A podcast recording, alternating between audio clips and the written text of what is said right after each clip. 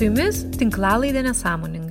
Aš esu Kristina Tamelytė, Bernardinai LT visuomenės temų redaktorė. Šį kartą laidoje pabandysime aptarti feminizmo savoką. Šios laidos tikslas yra pabandyti suprasti visų pirma, kokiame kontekste atsirado ši savoka, ką ji tuo metu reiškia ir kaip vystėsi. Pokalbį pasikviečiau lygių galimybių plėtros centro ekspertę ir humanitarinių mokslų daktarę Margaritą Jankauskaitę. Su ją kalbėsime apie feminizmo raidą tiek Lietuvoje, tiek pasaulyje aptarsime visas keturias feminizmo bangas, kuo jos panašios ir kuo skiriasi. Bet dabar siūlyčiau išklausyti keletos žmonių spontaniškų reakcijų į savoką feminizmas.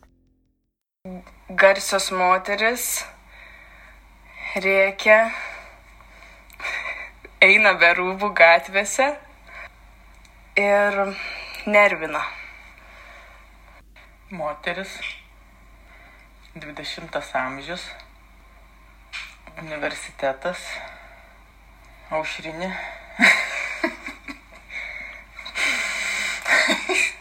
Kas čia dar nežinau, trumpai apsikirpusios. Tai feminizmas man asocijuojasi su stipria, nepriklausoma moterim, sakysim, lygybė visuomenėje, taip pat su kraštutiniu feminizmu, kur jau moteris kartais perlenkia Na ir turbūt su Simona de Beauvoir. Bobas Marlės, Trumpas, seksizmas. Išklausius šių spontaniškų reakcijų, siūlyčiau pereiti prie pokalbio su Margarita Jankauskaitė, lygių galimybių plėtros centro eksperte, humanitarinių mokslų daktarė ir ilgametė žmogaus teisų aktyviste Lietuvoje. Kaip ir minėjau laidos pradžioje, Kalbėsime apie tai, kada atsirado feminizmo savoka, koks jos atsiradimo kontekstas, vystimosi trajektorija ir kodėl feminizmas apskritai yra svarbus. Kaip apskritai ir paprastai galima būtų apibriežti feminizmo savoką? Kas tai yra? Na, aš manau, vis tiek tai galima būtų apibriežti kaip ideologija, kurios ideologija, bet taip pat ir, ir judėjimas, ir konkretus veiksmai, kurių tikslas yra na, pašalinti bet kokią diskriminaciją lyties atžvilgių, kitaip sakant, pasiekti tokią visuomenę, kad lytis nebūtų kliūtimi žmogui. Ir aišku, feminizmas visų pirma jisai formavosi kaip judėjimas nukreiptas į tai, kad būtų būtent atstatytos moterų teisės. Nes, tarkim, jeigu mes laikytumėm, kad feministinio judėjimo pradžia yra XIX amžius, taip kažkur tai antroji XIX amžiaus pusė, tai mes turime suvokti to laikotarpio kontekstą, kada moteris praktiškai neturėjo nu, sakyčiau, beveik jokių teisių, prasme, nei teisės į darbą, nei politinių teisių, netgi studijuoti teisių universitete neturėjo, e, negalėjo disponuoti savo lėšomis, negalėjo būti pilnavertėmis savo vaikų globėjimis, tai mes nu, turim suprasti, ant kiek moterų teisės buvo suvaržytos ir tame kontekste va, tas judėjimas ir kyla kurio tikslas, dar kartą pasikartosiu, pasiekti, kad būtų visuomenė, kur žmogus dėl lyties nebūtų diskriminuojamas arba į jį žiūrima kaip į mažiau reikšmingą, mažiau lygiavertį. Aptarėt šiek tiek kontekstą savokos ir judėjimo atsiradimo. Galbūt dar galėtumėte labiau išplėsti, su kokiamis tuo metu problemomis susidurdavo moteris ir apskritai koks tuometinis kontekstas atsiradimo vat, šito judėjimo, kas ne tik tai moterų turbūt atžvilgių vyksta, bet ir apskritai gal pasaulyje galima būtų, kodėl atsiranda ta, ta savoka ir tas judėjimas ir kokiame kontekste. Nu, aš manau, kad tam, kad taip įsijausti į kontekstą, tai mes dabar galim nu, kažkaip mintimis pabandyti įsivaizduoti valstybės, kuriuose moterų teisės yra nu, pažeidžiamos, kur, kur jos negali savarankiškai priminėti sprendimų, jos, pavyzdžiui, negali savarankiškai netgi judėti, turi būti tas vyras palidovas tam, kad jinai nebūtų užpulta, nes jeigu tu esi gatvėje ir tu esi nelydima vyro, tai tave, pavyzdžiui, gali būt, tu gali būti palaikyta lengvo elgesio moterim ir tai tarsi savaime jau leidžia su tavim kažkaip tai elgtis nepagarbiai ar, ar kažką tai su, su tavim tokio daryti. Mes turime suprasti, kad e, Europoje praktiškai jau dar po antro pasaulinio karo, tai mes jau kalbam apie 20 amžiaus vidurį, vis dar buvo tokių apribojimų, kad moteris negalėjo funkcionuoti kaip savarankiškas na, subjektas tai, kas liečia jos finansus, tai, kas liečia kažkokius tai reiškia sprendimus, jinai visą laiką buvo tokia tarsi po vyro globa galėtumėm sakyti, kad na, jos teisės, ko gero, buvo ne ką didesnės negu vaiko nepilnamečio asmens teisės. Tai vad visą tai, ką mes dabar, kuo mes dabar baisimės, galvodami apie kitas valstybės ir įsivaizduodami, kad jau čia Europoje, tai jau čia jau problemų nėra ir viskas išsisprendė, tai visa tai buvo Europoje ir buvo ne taip jau seniai. Pirmosios balsavimo teisės moteriams buvo suteiktos Naujojo Zelandijoje ir tai buvo pačioje pačioje XIX amžiaus pabaigoje, 1893 metais. Bet kas yra labai įdomu,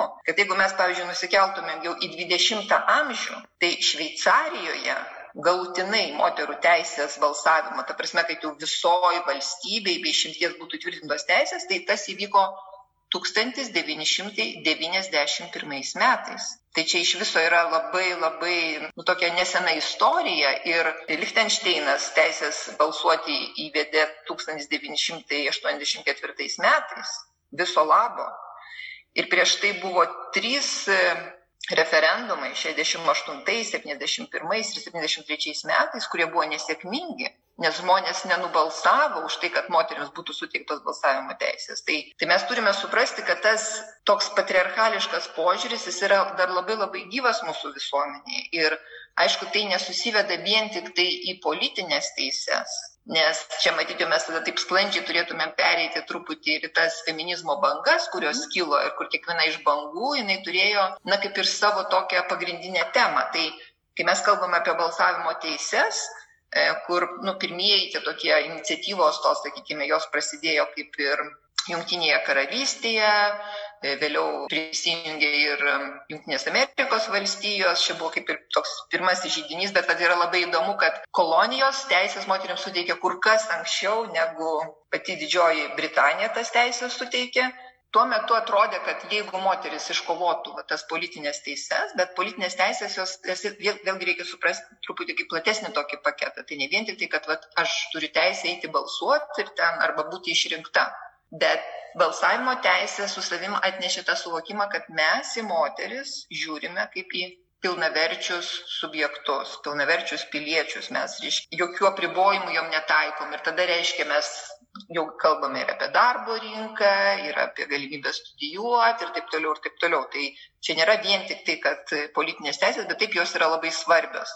Nu tai va, tai čia buvo ta pirmoji feminizmo banga, kuri, kaip sakiau, jinai prasideda antroji XIX amžiaus pusėje, po truputį įsibėgėja ir jau XX amžiaus pirmoje pusėje mes jau turime nu, tos pasiekimus, kad po truputį viena valstybė po kitos, jau čia ir Europoje pradeda suteikti tas balsavimo teises ir, Lietuva beje patenka į dešimtuką, jeigu mes kalbam ne globaliai, bet apie Europą kalbam į dešimtuką valstybių, kurios suteikia tas balsavimo teises. Pradžioje atrodė, kad, nu, va, tarsi tos teisės jau iškovotos ir čia jau viskas kaip ir pasibaigė tuo.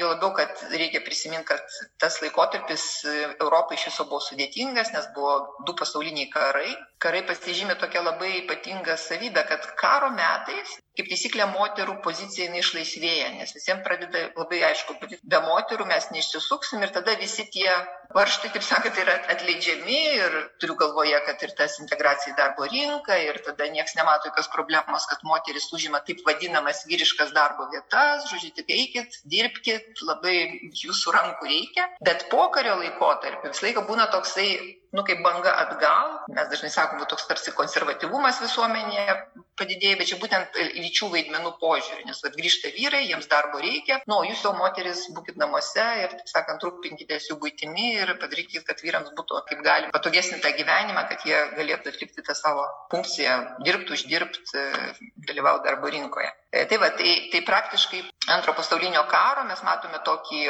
atoslūgį tame visame feministinėme judėjime, nes, na, aš įsivaizduoju, kad tai buvo baisus šokas visai, visai tai Europos bendruomenė, jeigu taip galima pasakyti, ir jau kaip buvo įmanoma, visi mėgino gelbėtis iš tų karo pasiekmių. Ir tuomet jau antroji feminizmo banga, jinai pradeda kilti taip apie 60-osius metus. Ir jinai ateina jau truputį su kitu tokiu, nes ateina tas supratimas, kad, na gerai, mes kaip ir turime tas balsavimo teises, bet vad kažkaip tai de facto praktikoje tas moterų gyvenimas, jisai nelabai čia ką pagerėjęs yra.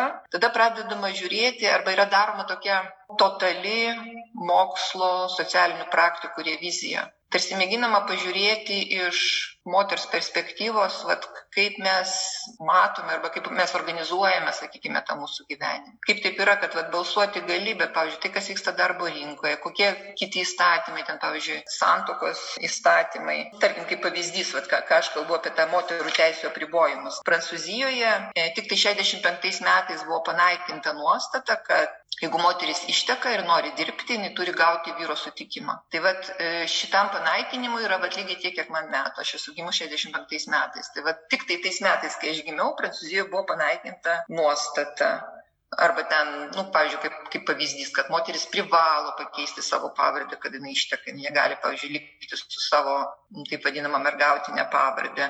Bet e, tai čia gal, nu, tokie niuansai, bet tai turėjo įtakos ir gali ar negali tu atsidaryti banko sąskaitą. Gali ir ne, negali disponuoti, reiškia, savo pinigais. Tai buvo daroma tada totali tokia revizija visos mokslo srities, kultūros srities. Tai irgi atsirado daugybė išvalgų rodančių, kad tai, kaip mes, nu, pavyzdžiui, ir tą pačią istoriją traktuojam, rašom, arba e, kažkokios nors antropologinės išvalgos. Daug kas vyksta iš taip vadinamos vyriškos perspektyvos. Ir mes, pavyzdžiui, istorijoje galime nepastebėti daugybės faktų, nes jie, nu, kaip nelabai yra aktualūs, nu, tokiai tradiciniai vyriškai patirčiai, ką aš turiu galvoje, kad tradiciškai istorija, pavyzdžiui, mes įsivaizduojam, kad jinai turi būti apie ką parašyta, nu, karai, politika, ten valdovai, bet istoriją mes galime žiūrėti labai įvairiai. Pavyzdžiui, net tas pats antras pasaulinis karas, priklausomai nuo to, iš kieno perspektyvos tu įvertini, jisai gali atrodyti kitaip. Ir, kai sakau perspektyva, aš nebūtinai turiu galvoje, kad skirtingos kariaujančios pusės, kaip, kaip tą įvykį traktuoja, bet mat, iš lyčių perspektyvos, jeigu mes pasižiūrėtume su kokiais iššūkiais susidūrė vyrai kaip socialinė grupė ir greičiausiai šituose pasakojimuose mes turėtumėm labai daug istorijų apie tai, kas vyko fronte, kokie ten buvo sunkumai ir su kokiamis traumomis žmonės grįžo po viso šito. Bet jeigu mes pažiūrėtumėm iš moters perspektyvos, mes matytumėm kitą vaizdą, e, kaip išgyventi reikėjo, kada tau liko vaikai, kada tau liko, reiškia, visa ta suirutė, kada neaišku, ką pavalgyti ir kaip tą viską organizuoti ir, ir išlikti ir, ir galų gale visi tie faktai, kurie ilgą laiką buvo nutylimi, kad karo veiksmai visą laiką, kada nu, kariuomenė fiziškai įžengė į priešo teritoriją, tai tarkim, moterim tai būdavo nu, bais, baisus faktas, nes būdavo masiniai žaginimai, apie kuriuos mes tik, bet, tik, tik, tik pačioje pačioje 20-ojo amžiaus pabaigoje pradėta šnekėti ir pripažinta, kad tai yra karo nusikaltimai. Antroji feminizmo banga, jinai buvo labiau susijęta su diskriminacijos prevencija, ta prasme padaryti taip, kad asmenys nebūtų diskriminuojami dėl to, kad jie yra skirtingos lyties. Ir tada jau žygiuodami dar arčiau mūsų laikų, arba išskiriama yra e, ta trečioji feminizmo banga, nu, trečioji ir ketvirtoji, tai mano galvo jos yra taip savo esmė yra labai, labai panašios, tik tai galbūt tai, kad skiriasi truputį kontekstas, kuriame tas viskas vyksta, nes ir trečioji banga, ir ketvirtoji aš taip pasakyčiau, kad jos yra susijusios su reakcija į kultūrinį seksizmą ir ypatingai tai, kas susijęs su seksualiniu priekabiavimu prieš moteris, o tai yra viena iš smurto prieš moteris formų. E, tai tiesiog atkreipiant dėmesį, kad tos iniciatyvos, kurios prasidėjo su antraja feminizmo banga, kad tas aktualumas jis yra niekur nedingęs, nes vėlgi oponentai labai dažnai mėgsta sakyti, kad, nu tai ką jau mes čia dabar apie tą feminizmą šnekam, jau visos jau čia teisės iškovotos, visas jau labai gerai, tai čia, nu toks tiesiog ant lygios vietos reiškia kažkokių burbulų putimas, bet kai tu pradedi žiūrėti atidžiau, tai matai, kad, nu, toli gražu ne. Toli gražu ne. Tai mes ir diskriminacijos atveju turim, ir tai, kas ilgą laiką buvo nutylima, bet ypatingai tai, kas liečia, liečia, liestų moterų reprodukcinės teises, jų teisė į kūno neliečiamybę, seksualumo raišką, ne ta prasme, kad, nu, tai, ką mes dabar dažnai matome, tokio daug sudaiktinimo ir ta moteris yra suprekinama ir jeigu jauna moteris, tai vad jokių daugiau jinai neturi nei reikalų, nei ambicijų, vien tik tai, kaip atrodyti seksualiai ir patraukti, reiškia, tą jau priešingą pusę, bet seksualumas, ta prasme, kad nusuvokimas, kad mes visi kaip individai esam, turim tą seksualumo dalį savyje, kad tai yra labai svarbi mūsų tapatybės dalis ir kad moteris nėra tam, kad tarnautų kažkam tai, kad patenkintų kažkieno poreikius, taip, kad su jie neturėtų būti elgiamasi taip, kaip mes na, vis dar susidurėm su kokiamis problemomis. Ir, reiškia, ta ir trečioji banga iš esmės buvo apie tą e, seksualinį priekabiavimą, o ketvirtoji banga, jinai tiesiog ketvirtoji dėl to, kad atsiranda technologijos, atsiranda e, socialiniai tinklai, žodžiu, visiškai pasikeičia kontekstas Ir, ir mes matome, kaip tas kintantis kontekstas jis atneša su savimi daugybę naujų problemų, nes jeigu anksčiau, sakykime, apie smurtą prieš moteris, įskaitant seksualinį priekabėjimą, mes daugiau nukalbėjom tokioj tiesioginiai sąveikoj. Tai dabar mes matome su interneto ateimu, kokios, kokio tai yra masto problemos. Psichologinis smurtavimas arba, e, nusakykime, netgi kažkoks tai neapykantos kalba, kuri gali netgi tapti ir fizinė grėsmė asmeniui įgyja tokius labai labai didelius mastus ir ir buvimas moterimi, vat, tokiame pasaulyje jisai turi nu, papildomų tarsi kaip ir pavojų. Ir ne, ir ne vien tik tai tai, kad tavo asmenį gyvenimą gali būti kažkaip taip labai drastiškai įsikišama, pavyzdžiui, pavagiamos iš tavo paskirų nuotraukos, kurios yra intimios ir tada ten tu esi šantažuojama ir taip toliau ir taip toliau. Bet tai gali didelės įtakos turėti apskritai moterų buvimui viešoje erdvėje, turiu galvoje, jeigu tu galvoji apie politikės karjerą, jeigu tu esi žurnalistė, jeigu tu nu, turi kažkokių tai ambicijų viešoje erdvėje, tas labai gali būti panaudojama prieš tave. Paradoksalumas galbūt situacijos, kad mes kaip visuomenė vis dar esame linkę kaltinti ir gėdinti būtent moteris, kurios pateko į tą situaciją, nu tarkim, jau nuotraukos yra paviešinamos, o ne tuos asmenys, kurie tai padarė.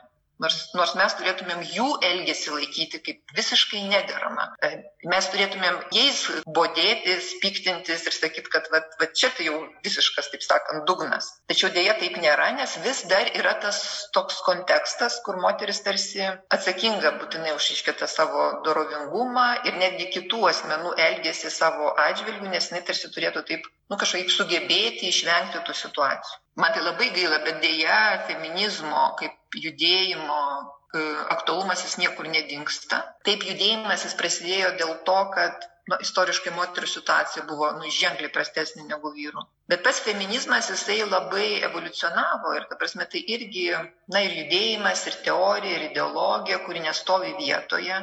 Ir jeigu pačioj pradžioj galima matyti, kad vis tiek ta visa retorika ir tikslai, kurie buvo keliami, jau galbūt labiau atspindėjo viduriniosios klasės, baltasias moteris. Tai dabar mes matome, kad vis daugiau yra, nu, tų feminizmų jų darosi vis daugiau ir daugiau ir ta prasme, kad tikslas yra vienas, kad nebūtų tos atskirties tarp vyrų ir moterų, bet kokiu būdu tą pasiekti arba kokiu kampu pažiūrėjus tu matai, kad vis dar tos problemos yra. Tai čia vat, jau įvairovė yra be galo didelė ir iš esmės iš principo keičiantis įvairiom teoriniam prieigų mes matome, kad e, feministės, e, filosofės, mokslininkės jos tas prieigas integruoja, pritaikindamos ir tą tokį žvilgsnį iš lyčių perspektyvos ir dėl to tų aiškinimų, suvokimų, kaip įtraukti kitų etninių grupių ar regionų moterų patirtis, labiau akcentuoti ekonominius aspektus, ar labiau akcentuoti kultūrinius aspektus. Tai viskas tas yra ir tai dar kartą pasikartosiu, kad tai yra tokia labai gyva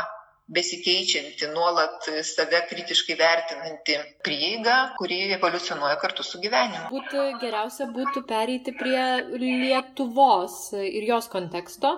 Tai kaip feminizmo judėjimas Lietuvoje vystosi? Ar galima kalbėti apie kažkokį feminizmą tiek tarpu kariu, tiek sovietmečiu?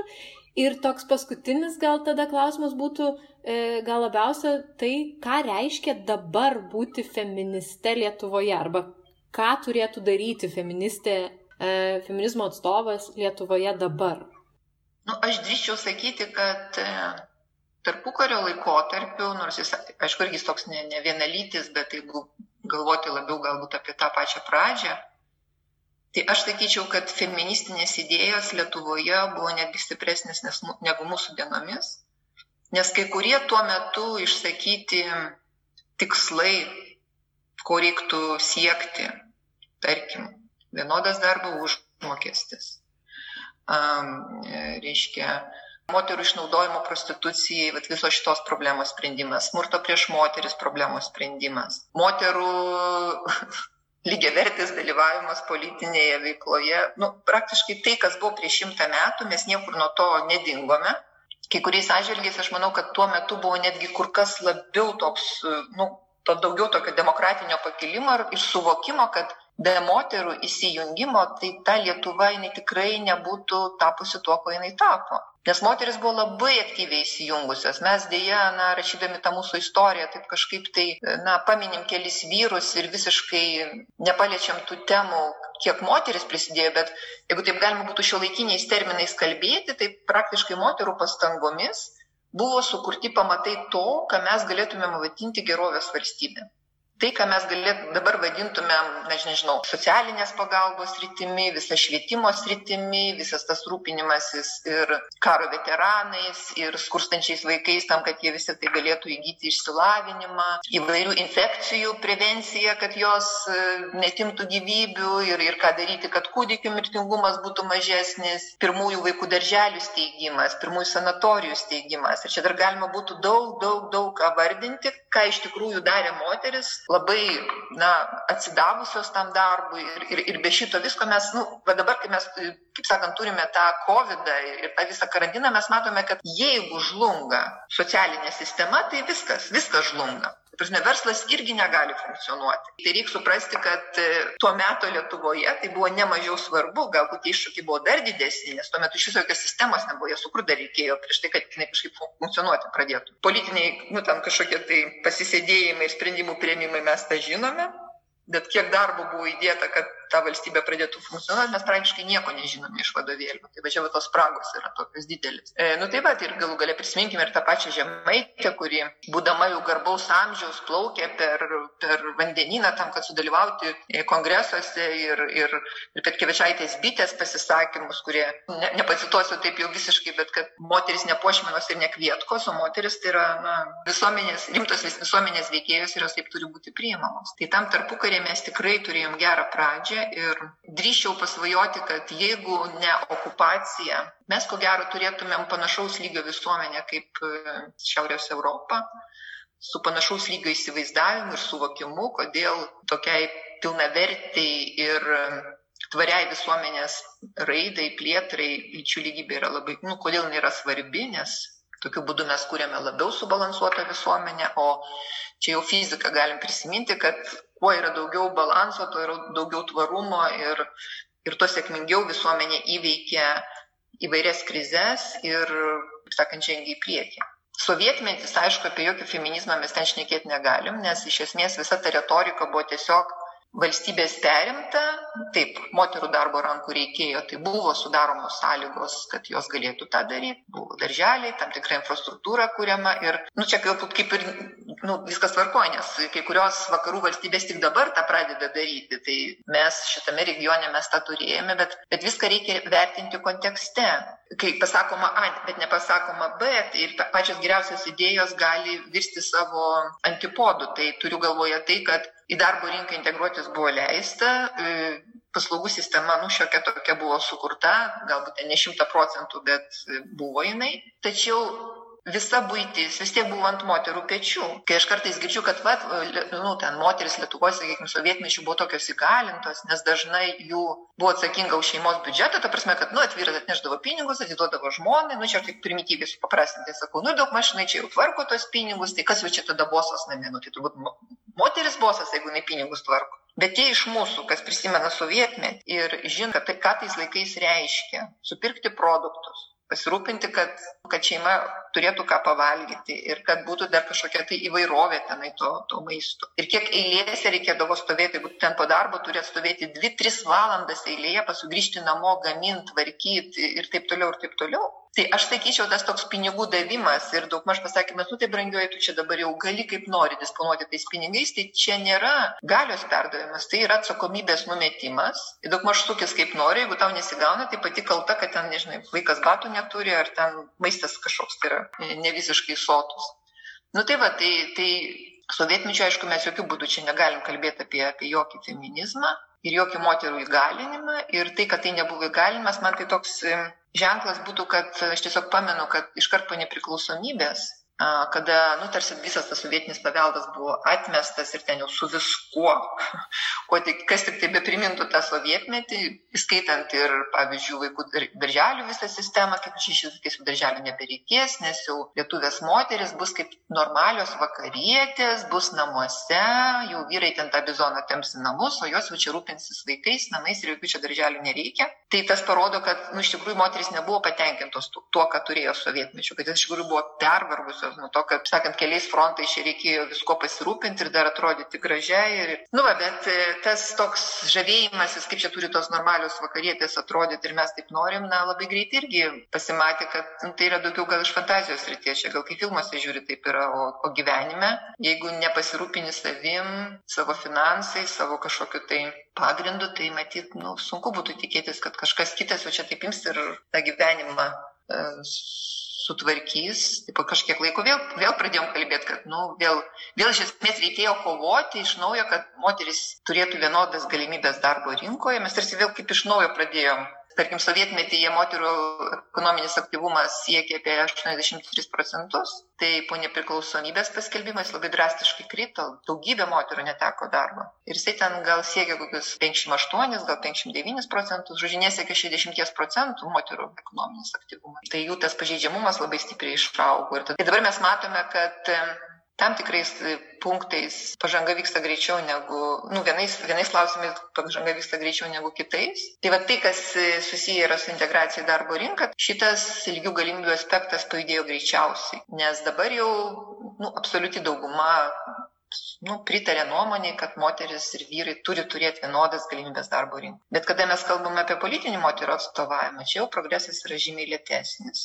Galų galia ir, ir situacija tam pačiam Seime rodo, kad nu, mes dar toli gražu nuo taip vadinamo lyčių balanso tos e, zonos, tai yra 40 ant 60, kad bent jau būtų, net tai dar mums labai toli nuo viso šito, su mūsų tempais, taip kaip mes šitos skaičius auginam. Bet tai, kas yra namuose, Ir tai, aišku, ta tema, kur atrodo, nu, mes visi nenorim, kad valstybė kažkaip tai kištusi. Čia, aš sakyčiau, pokyčiai galbūt yra lėčiausi. Čia ypatingai sunku pakeisti tą supratimą, kad tai dar, kad moteris eina į darbo rinką, tai dar paprasčiau, bet kad vyrai lygiai taip pat tiek pat turi grįžti į namus, jeigu taip galima pasakyti, ne tik tai su banko kortelė, kurioje ten yra tam tikri ištekliai, bet grįžti tą prasme emocinis dalyvavimas, vaikų ūkdymas, aktyvus įsitraukimas, supratimas, kad visa tai irgi yra ištekliai, kuriuos žmogus e, naudoja. Ta prasme, netgi tai, kad aš, tarkim, turiu galvoti, kaip, pavyzdžiui, man organizuoti vaiko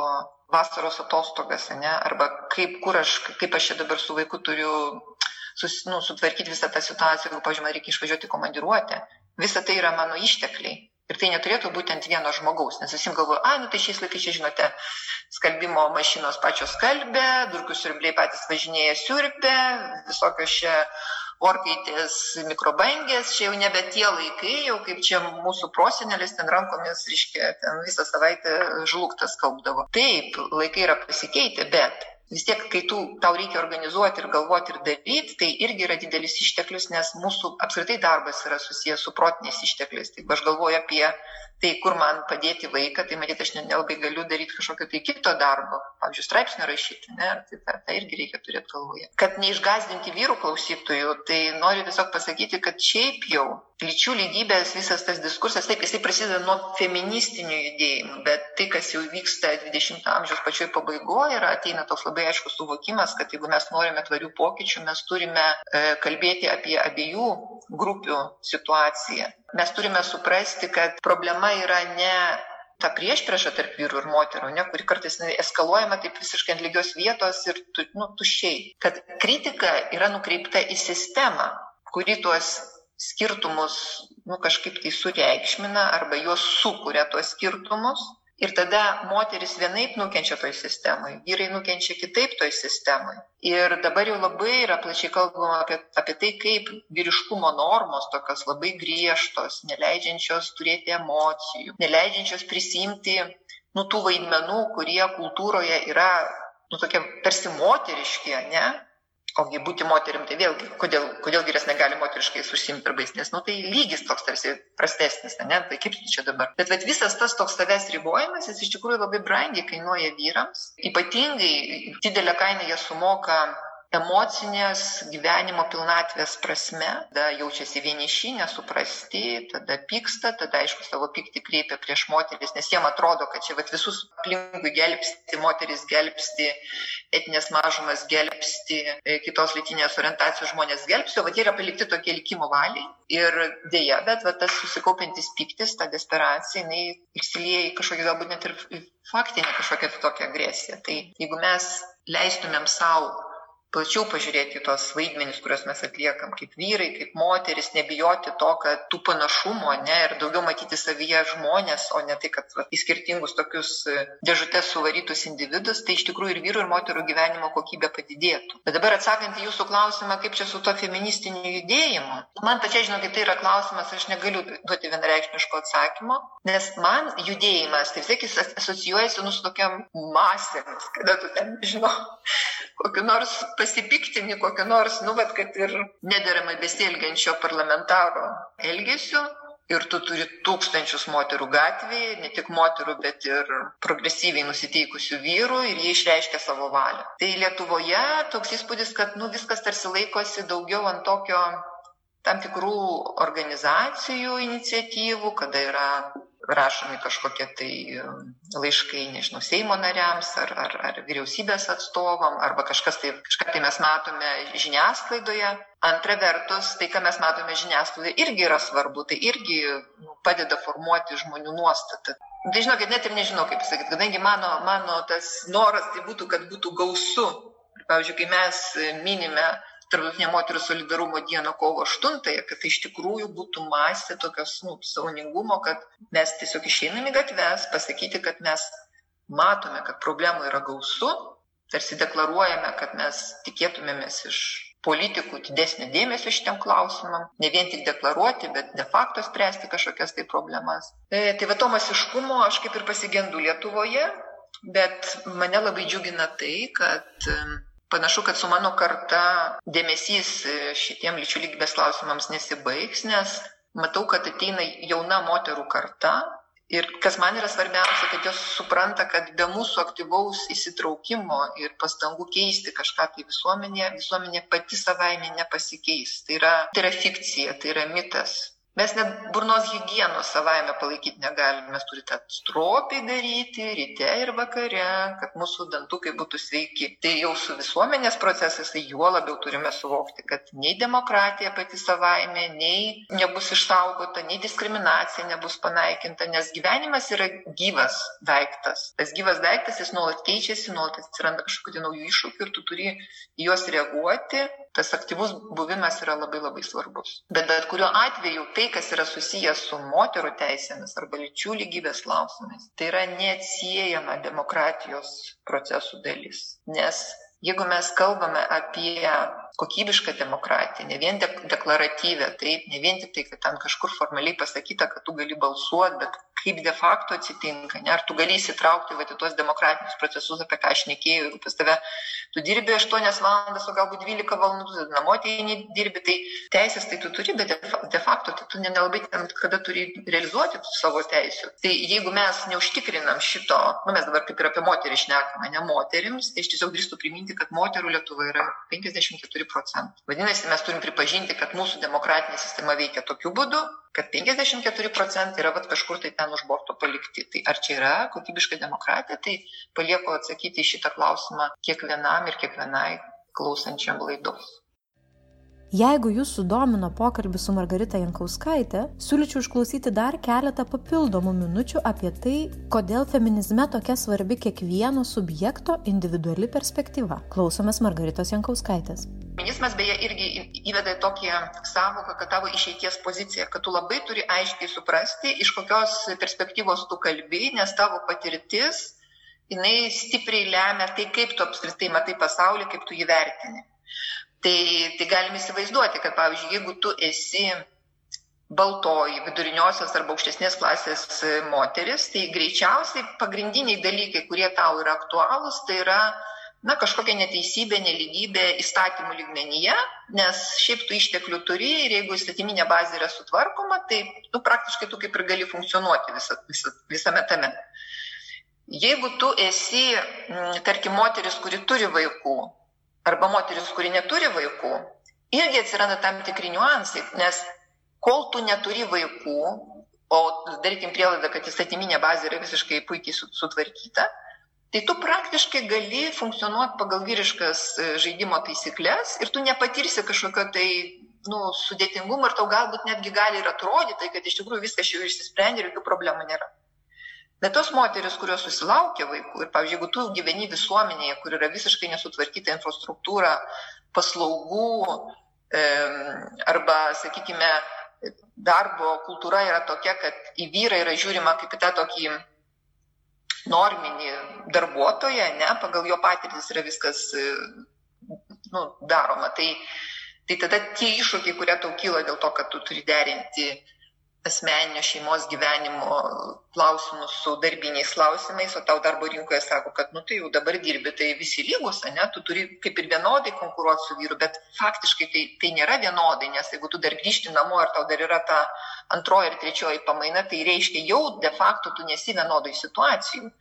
Tai vadinasi, jau vėl bus kitokios prieigos. Jeigu tu esi moteris, kuri e, gyvena visuomeniai, nu, kurios istorija yra paliesta kolonializmo, tai aišku, visa ta postkolonialinis, tas visas kontekstas jis labai stipriai veiks tave. Ir tarkim, aš, nu, aš taip įsivaizduoju, kad baltosiom moterim grinai iš, iš patirties yra nu, tiesiog neįmanoma suvokti, ką reiškia būti moterim, kuri turi kitokią odos spalvą ir kur ten, sakykime, valstybė yra kokia nors vergystės, e, vergovės e, istorija, ne, kur tie moterų kūnai buvo eksploatuojami arba jos ten tokios sugyvulinamos, sakykime, jos jas netgi nu, nežiūrima kaip pilnaverčių žmonės. Ir taip toliau, ir taip toliau, ir taip toliau. Jeigu tu, sakykime, esi labiau tokių kairiųjų pažiūrų, tai aišku, tu iš karto matysi, kaip su kapitalizmu ateinantis darbo pasidalinimas, kuris daro tokią didelę atskirtį tarp lyčių, turiu galvoje, kad su vyrų veikla yra labiau siejamas darbas viešoje erdvėje, už kurį yra sumokama, o moteriams yra deleguojamas darbas namų aplinkoje, kuris nelaikomas darbu, už kurį nieks nesumoka, bet kuris iš tikrųjų atima labai daug energijos. Nu, tai tu vėl, vėl, vėl kitaip reiškia matysi tą situaciją ir tu tada labiau atspindėsi moterų padėtį, kurios yra, nu, tų tokių taip vadinamų žemesnių socialinių sluoksnių ir kurioms dažniausiai ir tenka ta tokia keliaguba našta, kad tu ir namie turi darbus atlikti ir jeigu socialinės ten paslaugos nėra išplėtotos arba jos yra atiduotos tik tai laisvai rinkai, už kurias tu turi sumokėti pinigus, tai aišku, tu tų pinigų neturi ir tada vėlgi ant ko viskas gulasi ant tavo pečių. Bet tada mes vėl turim suprasti, kad jeigu, tarkim, moteris yra neproporcingai labiau negu vyrai apkraunamos būtimi, prie, vaikų priežiūra, kitų šeimos narių globa ir taip toliau ir taip toliau. Ir tuo pačiu jos turi dirbti, nes dabar tu, jeigu nedirbi, tu praktiškai jokių socialinių garantijų, nu, neužsidirbi ir tavo senatvė tada tikrai bus labai, labai, na, sudėtinga tokia, nesunki. Tai tu dirbi, vienu frontu, tu dirbi antru frontu ir tada tu praktiškai prarandi de facto, tu prarandi savo politinės visas teises. Ne ta prasme, kad iš tavęs įstatymiškai atima tai, bet tu paprasčiausiai neturi laiko, kurį tu galėtum investuoti tam, kad tu galėtum e, atstovauti savo nu, poreikiams kažkokiems, tai kad tu galėtum advokatauti, kad tu galėtum iškelti tas problemas, nes tai irgi reikalauja labai daug energijos, laiko, žinių. Ir vat, nu, tiesiog mes čia matome, kaip įvairios tos rytis, jos e, susipina tarpusavyje ir e, dėja, bet palaiko tą tokią nuostatą, kad moteris e, na, nėra tokia vertinga visuomenės narė kaip vyras. Ir čia beje, aš tiesiog noriu, kad mano tie žodžiai galbūt neskambėtų taip visai tuščiai, e, paminėti jungtinių tautų inicijuotą tyrimą, kurio, kurio rezultatai buvo paskelbti 2018 metais. Apklausoje buvo dalyvavo 80 valstybių pasaulio, atsiprašau, 77 valstybės ir jų gyventojai sudaro 80 procentų pasaulio gyventojų. Ir tas tyrimas parodė, kad bendrai paėmus, aišku, ten skirtingos valstybės truputį kitokia situacija, bet bendrai paėmus, 9 iš 10 žmonių turi iš ankstinių neigiamų nuostatų moterų atžvilgių. Taip kad mes tikrai gyvename nu, labai stipriai lyčių stereotipuose, labai stipriai lyčių stereotipuose. Ir turės dar labai daug, nu, daug kas būtų padaryta, pradedant ekonominiais sprendimais, baigiant, sakykime, tai, kas vyksta kultūrinėje erdvėje, įskaitant švietimo erdvę, kaip mes apie tai kalbam, kaip mes, kaip mes socializuojam vaikus tam, kad šitas atotrukis, nu, bent jau sumažėtų.